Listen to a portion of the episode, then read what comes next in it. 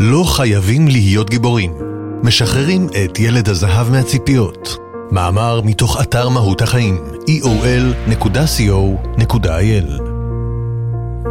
רבות הדרכים לחיות. יש שיגידו שההווה הוא מה שחשוב. היה בו ושחרר את עצמך מציפיות לגבי העתיד או מחרטות לגבי העבר. כל עוד תישאר שלם עמו, ייטב לך, מכיוון שאין שום מקום אליו אתה אמור להגיע. יש שיגידו שדווקא היערכות קדימה היא המפתח לחיים טובים. חיזוי התסריטים האפשריים מפחית מתח, ומיקוד תשומת הלב ביעד אליו אנחנו שואפים, מעודד את הגעתנו ושולח אותנו בטוחים קדימה אל העתיד.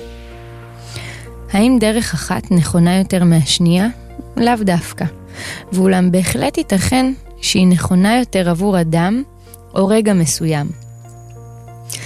ציפיות מעסיקות רבים ובאופקים שונים של החיים. ישנם אנשים הסובלים ממחסור בציפיות בריאות, כך כותב הפסיכותרפיסט מל שוורץ במגזין Psychology Today. ובשל כך, הוא אומר, מגבילים את הפוטנציאל שלהם. אחרים, הוא ממשיך, מציבים לעצמם ציפיות בלתי ניתנות להשגה, ועל ידי כך מבטיחים לעצמם תסכול ואומללות. ומה אם אנחנו מתוסכלים מציפיות בלתי ניתנות להשגה, אבל לא אנחנו אלו שהציבו אותן? מה אם מתוך המון רצון טוב, פרגון ואהבה, היו אלו ההורים שלנו? בסרטון של The School of Life, מספר הפילוסוף אלן דה בוטון על תופעה שנקראת ילד הזהב. אותו ילד שמהרגע בו נולד יועד לגדולות. עוד לא הגיע לגובה הכיסא וכבר אובחן כדמות ששמה יחצי יבשות ויהדהד לאורך מאות שנים, כך מסביר דה בוטון. לדברי הוריו, הוא יפה תואר, אינטליגנטי ומוכשר בצורה יוצאת דופן, והוא הולך לשנות את העולם. על פני השטח, הוא ממשיך, זה עשוי להיראות ככביש סלול אל עבר ביטחון עצמי עצום. אך, הוא מסתייג, אותן ציפיות גבוהות מהילד עשויות לחבור לציפיות גבוהות ממציאות חייו. וזו, בתורה, כמותו או בניגוד אליו, לא בהכרח תעשה את מירב המאמצים לעמוד בהן. ישנה הטיה קוגניטיבית המוכרת בתחום הפסיכולוגיה, שנקראת בתרגום חופשי הטיית היופי. זו הנטייה לייחס לאדם יפה תכונות אופי חיוביות נוספות. כלומר, אם הוא נראה טוב, הוא גם בטח מצליח, אינטליגנטי ונחמד. ייתכן שמשהו דומה מתרחש בתפיסת מציאות חייו המוזהבת של הצעיר המוזהב. בין אם היא נאמרת במפורש על ידי ההורים או לא, יש משהו בהוויה המדוברת שיוצר רושם שאותו כוכב אינו נועד למציאות האפורה היומיומית שעימה מתמודדים שאר האנשים בחייהם הממוצעים. ואולם, מוכשר ככל שיהיה אותו ילד, זו אינה ציפייה ריאלית. אז מה הן ציפיות בריאות? מתחת לפני השטח ממשיך דבוטון. התמונה הצבעונית והזוהרת של עתיד הפעוט עלולה באופן פרדוקסלי לייצר תחושת ריקנות ואי מסוגלות. אמירות כגון, המלאך הקטן שלי, אתה הולך להיות כוכב, או מי הכי חכם בעולם והולך לעשות אותי גאה. נשמעות אמנם מלאות באמונה, במוטיבציה ובאהבה, אך אם אינן ריאליות, בכלל או בינתיים, הילד עשוי לגדול בתחושת תרמית. בתחושה שהוא הונאה גדולה, וכל רגע מישהו עלול להסיר את המסכה מפניו, ולגלות שהוא סתם אדם כמו כולם. והאם זה באמת כל כך נורא? כתגובה לאמירה המוכרת, ציפיות הן מקור לאכזבות. כותב פרופסור לפסיכולוגיה ג'ון ג'ונסון במאמר אחר בפסיכולוגי טודיי, כי ציפיות שאינן ריאליות הן מקור מובטח להתמרמרות. אלו לא הציפיות, כך הוא מסביר, שטובות או אינן טובות, אלא השימוש בהן. הציפייה לחיות חיים יוצאי דופן אינה לא טובה. השאלה היא עבור מי ומתוך מה היא נובעת.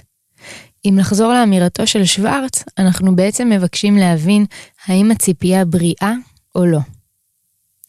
כנקודת פתיחה טובה להבחנה בין ציפייה בריאה לאחרת, מסביר שוורץ, אנחנו יכולים לשאול את עצמנו, האם הציפיות שלנו, או היעדר הציפיות, מהחיים או מעצמנו, מקדמות את החוויה היומיומית שלנו?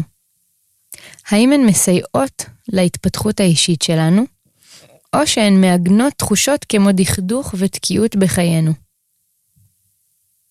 אם הציפייה לחיים בלתי שגרתיים מקדמת אותנו אל עבר אותה מציאות, מה טוב. אך אם היא משאירה אותנו מאוכזבים ולא מרוצים, אולי כדאי להטיל ברגע ספק ולבחון את נוכחותה בתודעתנו. אם לשלב את דבריו של שוורץ עם אלו של דבוטון, נשיאת ציפיות לא בריאות על כתפינו נוטה להתנקז לרגע של שבירה ובלבול. אותו ילד מוזהב לא מצליח לנער מעליו את תחושת הייחודיות, אך עם זאת גם אינו מצליח להזדהות עימה. הוא מתקשה למצוא את אותו זוהר בעצמו או בחייו, ושרוי בקונפליקט פנימי תמידי, בתחושה שהוא אינו מספיק טוב כפי שהבטיחו לו ולסביבה. לא הוא ולא חייו הנורמטיביים נעימים ונוחים ככל שיהיו. ומה לגבי חיים טובים דיים? הכמיהה של אותו ילד, מסביר דבוטון, היא לא להוביל מהפכות או לשנות את העולם, אלא שיקבלו אותו ויאהבו אותו בעבור מי שהוא.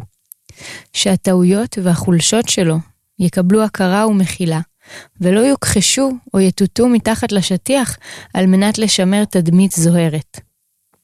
החדשות הטובות הן שרגע השבירה הוא דווקא רגע חיובי בתסריט. העתיד הזהוב, כך מתברר, לא הולך להפוך למציאות. אך פרס גדול יותר מחכה לנו ברגע השבירה, מסביר דבוטון. תחושת השחרור מציפיות שלאורך כל השנים לא היו ריאליות, היא-היא הפרס האמיתי בסיפור שלנו. וגולת הכותרת היא ההבנה שהחיים אינם צריכים להיות זוהרים ויוצאי דופן על מנת להיות בעלי ערך. זה אמנם מגיע עטוף באכזבה, אבל לפעמים דרוש שברון לב קטן בשביל להתקדם הלאה. רגע לעצור ולבחון. האם הציפיות שיש לנו מעצמנו או מחיינו הן אותנטיות? האם הן תואמות את סל הערכים שלנו? האם הן משרתות אותנו בדרך לחיים טובים כפי שאנחנו מגדירים אותם? יכול להיות שעבור ההורים שלנו, חיים טובים מוגדרים כמלאים בתהילה והצלחות המתועדות במסגרות על הקיר, אבל עבורנו משמעותן נוחות ומשפחתיות, או להפך. אם אתם מזדהים עם ילד הזהב, דבוטון מציע לחתור אל עבר חיים מספיק טובים. מימוש ערכים יכול להתקיים במספר רמות, כמו דרגות קושי במשחק מחשב. אם שינוי חברתי הוא נר לרגליכם, אפשר לבטא אותו בהנהגת מהפכה חברתית, ואפשר גם לבטא אותו בלהיות שכנים וקולגות טובים ואדיבים. וזה ראוי להערכה לא פחות, רק אחרת.